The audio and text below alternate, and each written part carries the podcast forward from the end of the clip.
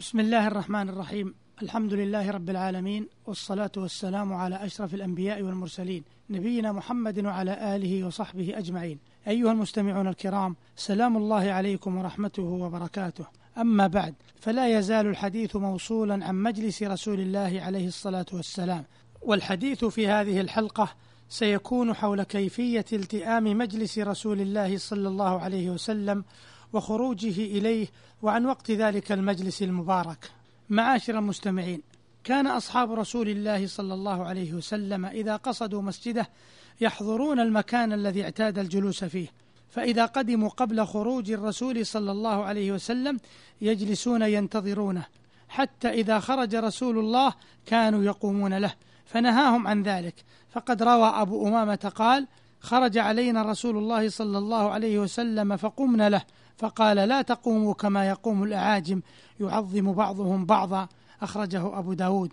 فصار القيام منسوخا على الأصح وعندما يخرج رسول الله صلى الله عليه وسلم على أصحابه يبقون جلوسا. فلا يرفع أحد منهم بصره إلى رسول الله إلا أبو بكر وعمر. فإنهما كانا ينظران إليه وينظر إليهما ويبتسمان إليه ويبتسم إليهما كذا في كتاب الشفاء لعياض وفي الشفاء أنه كان يجلس حيث انتهى به المجلس ويجلس بين أصحابه مختلطا بهم.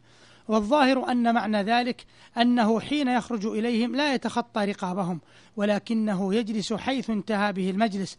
ففي الصحيحين عن أبي واقد الليثي أن رسول الله صلى الله عليه وسلم بينما هو جالس في المسجد والناس معه إذ أقبل ثلاثة نفر فأقبل اثنان منهم إلى رسول الله وذهب واحد فوقف على رسول الله. فأما أحدهما فرأى فرجة في الحلقة فجلس فيها وأما الآخر فجلس خلفهم وأما الثالث فأدبر ذاهبا. فلما فرغ رسول الله صلى الله عليه وسلم من كلامه قال ألا أخبركم عن النفر الثلاثة؟ أما أحدهما فأوى إلى الله فآواه الله وأما الآخر فاستحيا فاستحيا الله منه. وأما الآخر فأعرض فأعرض الله عنه. وفي أسباب النزول والتفسير أن رسول الله صلى الله عليه وسلم كان يكرم أهل بدر من المهاجرين والأنصار وأن ناسا منهم جاءوا إلى مجلسه فلم يجدوا موضعا فقاموا مواجهين له ولم يوسع لهم أحد.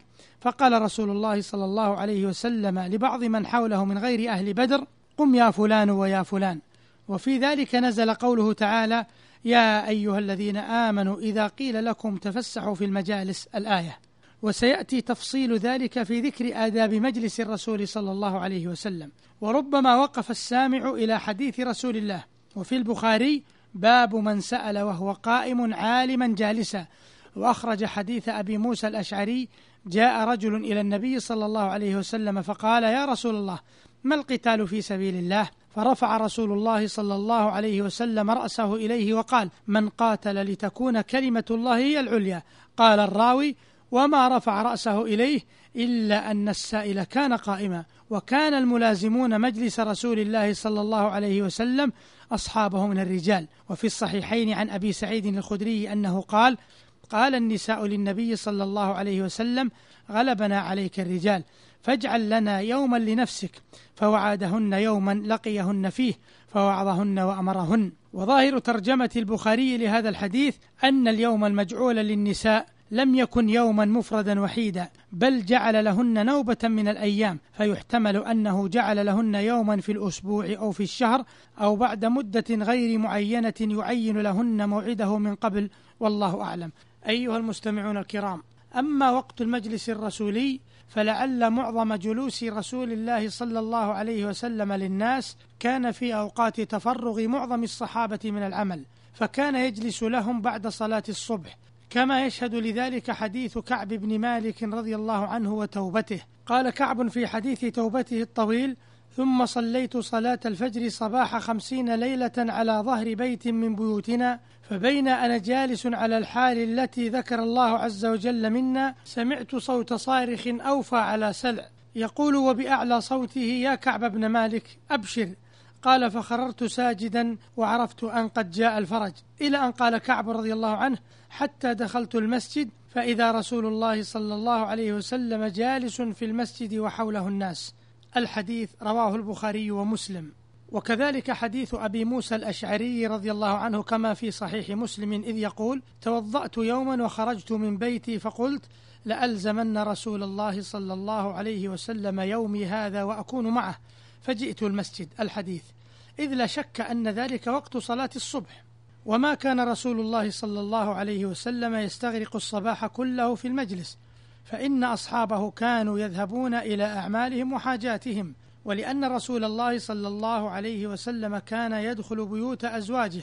فقد قالت عائشة رضي الله عنها كما في صحيح البخاري كان يكون في بيته في مهنة أهله وفي حديث علي رضي الله عنه من رواية الترمذي ورواية عياض كان دخوله لنفسه فكان إذا أوى إلى منزله جزأ دخوله ثلاثة أجزاء جزءا لله وجزءا لأهله وجزءا لنفسه ثم جزأ جزءه بينه وبين الناس فيرد ذلك على العامة بالخاصة ولا يدخر عنهم شيئا. أي كان له في بيته وقت يجلس إليه فيه خاصة أصحابه ومن له حاجة خاصة. ومعنى يرد ذلك على العامة أنه تحصل منه منفعة للعامة بما يرويه الخاصة من علمه للناس. وفي هذا دليل على أن معظم ما عدا وقت دخوله إلى منزله كان وقت مجلسه إلا إذا عرضت حاجة يذهب إليها. وإلى هنا ينتهي وقت هذه الحلقة التي تبين من خلالها كيفية التئام المجلس الرسولي وخروج النبي صلى الله عليه وسلم إليه ووقت ذلك المجلس المبارك. والسلام عليكم ورحمة الله وبركاته.